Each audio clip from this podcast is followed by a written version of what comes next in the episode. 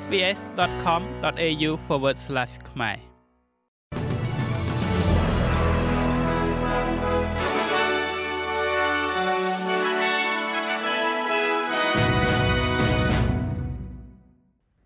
សូមស្វាគមន៍មកកាន់នេតិព័ត៌មានខ្លីរបស់ SBS ខ្មែរសម្រាប់ថ្ងៃអង្គារទី5ខែកញ្ញាឆ្នាំ2023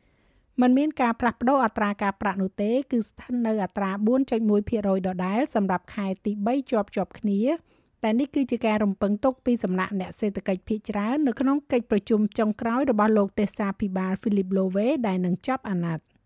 លោក Lowe បានចេញនៅសេចក្តីថ្លែងការណ៍មួយដោយនិយាយថាគេមិនរំពឹងថាអតិផរណានឹងត្រឡប់ទៅតាមគោលដៅកំណត់ពី2ទៅ3%វិញបានទេរហូតដល់ចុងឆ្នាំ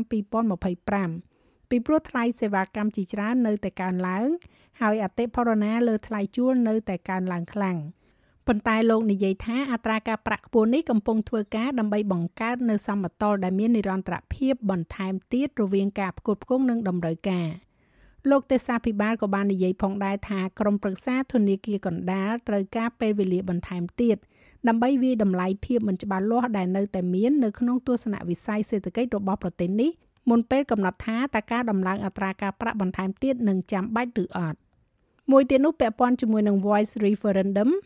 រដ្ឋាភិបាលនិយាយថាខ្លួននឹងមិនដកថយចំពោះសំណើលើសម្លេងជនជាតិដើមទៅកាន់សភានោះទេបើទោះបីជាការស្ទង់មតិចុងក្រោយបង្អស់បានគូសនៅរូបភាពដ៏ស្មុគស្មាញនៃការបោះឆ្នោតប្រជាមតិនាពេលខាងមុខក៏ដោយ ការស្ទង់មតិចុងក្រោយបំផុតពី News Poll និង The Guardian បង្ហាញថាអ្នកបោះឆ្នោតមួយចំនួននៅតែមិនទាន់សម្រេចចិត្តប៉ុន្តែមានមនុស្សកាន់តែច្រើនឡើងដែលមានបំណងបោះឆ្នោត No ច្រើនជាង Yes ប៉ុន្តែរដ្ឋាភិបាលកំពុងឈរលើជំហរយ៉ាងរឹងមាំសម្រាប់ការគ្រប់គ្រង The Voice នេះបន្ទាប់មកនេះគឺជាដំណើរទស្សនកិច្ចរបស់លោកនាយករដ្ឋមន្ត្រីទៅកាន់កិច្ចប្រជុំកំពូលអាស៊ាន លោកនាយករដ្ឋមន្ត្រី Anthony Albanese កំពុងធ្វើដំណើរទៅកាន់ប្រទេសឥណ្ឌូនេស៊ីដើម្បីចូលរួមកិច្ចប្រជុំកំពូលអាស៊ាននិងអាស៊ីបូព៌ាលោក Albanese នឹងជួបជាមួយនឹងមេដឹកនាំពិភពលោកនៅក្នុងកិច្ចខិតខំប្រឹងប្រែងដើម្បីបង្កើនទំនាក់ទំនងជាមួយសម្ព័ន្ធមិត្តក្នុងតំបន់នៅអាស៊ីអាគ្នេយ៍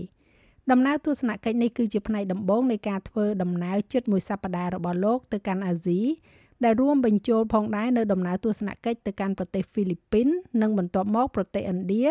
សម្រាប់កិច្ចប្រជុំកំពូល G20 នៅទីក្រុង New Delhi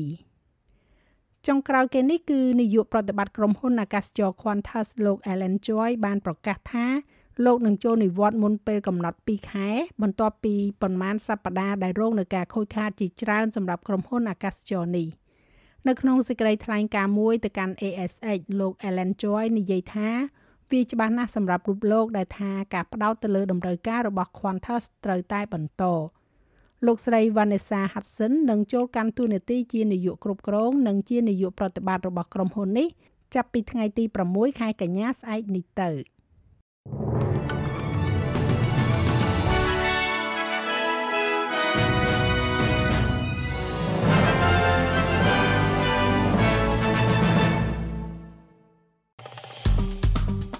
ចុច like share comment និង follow SPS ខ្មែរនៅលើ Facebook